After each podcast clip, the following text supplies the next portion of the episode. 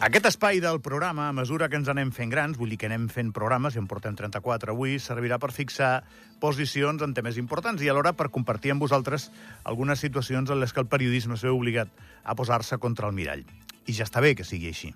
I encara millor que ho fem davant vostre. Per tant, és possible que l'editorial algun dia sigui com un petit confessionari amb els oients, amb vosaltres. Avui és el cas. No fa massa va haver un accident a la zona del túnel de les dues Valires. Un cotxe va sortir volant i el conductor va salvar la vida de miracle. Volant és literal.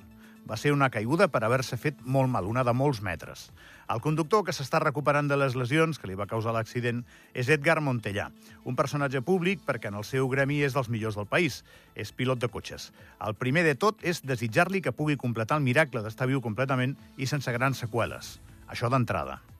El tema, i aquí va la reflexió periodística, és si s'ha de dir el nom de l'afectat o no. Això ho resol una paraula màgica que és ben flexible, massa, potser a vegades, i que es diu criteri. I el criteri en aquests casos, almenys així me l'han explicat a mi sempre, és la dimensió pública de la persona que protagonitza la notícia. En aquest cas, és alta. Edgar Montellà, en el nostre ecosistema, és un personatge públic. Per tant, des del moment en què se sap que és ell, el nom hauria d'aparèixer. Si és una persona anònima, que té una vida que no té transcendència pública, doncs no s'ha de posar el nom.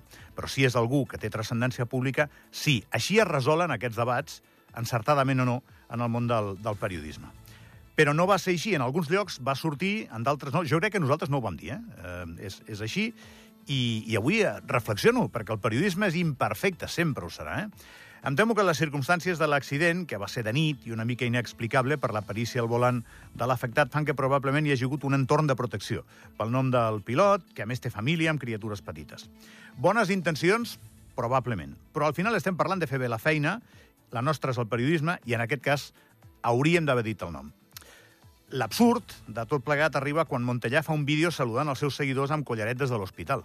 Si ell fa un vídeo, per què carai no dius el nom, no? Vull dir, et, posa davant del mirall, que és el que us deia abans.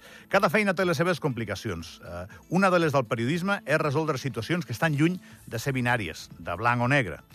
Però per això ens paguen. I no podem oblidar que no ens paguen només per treballar.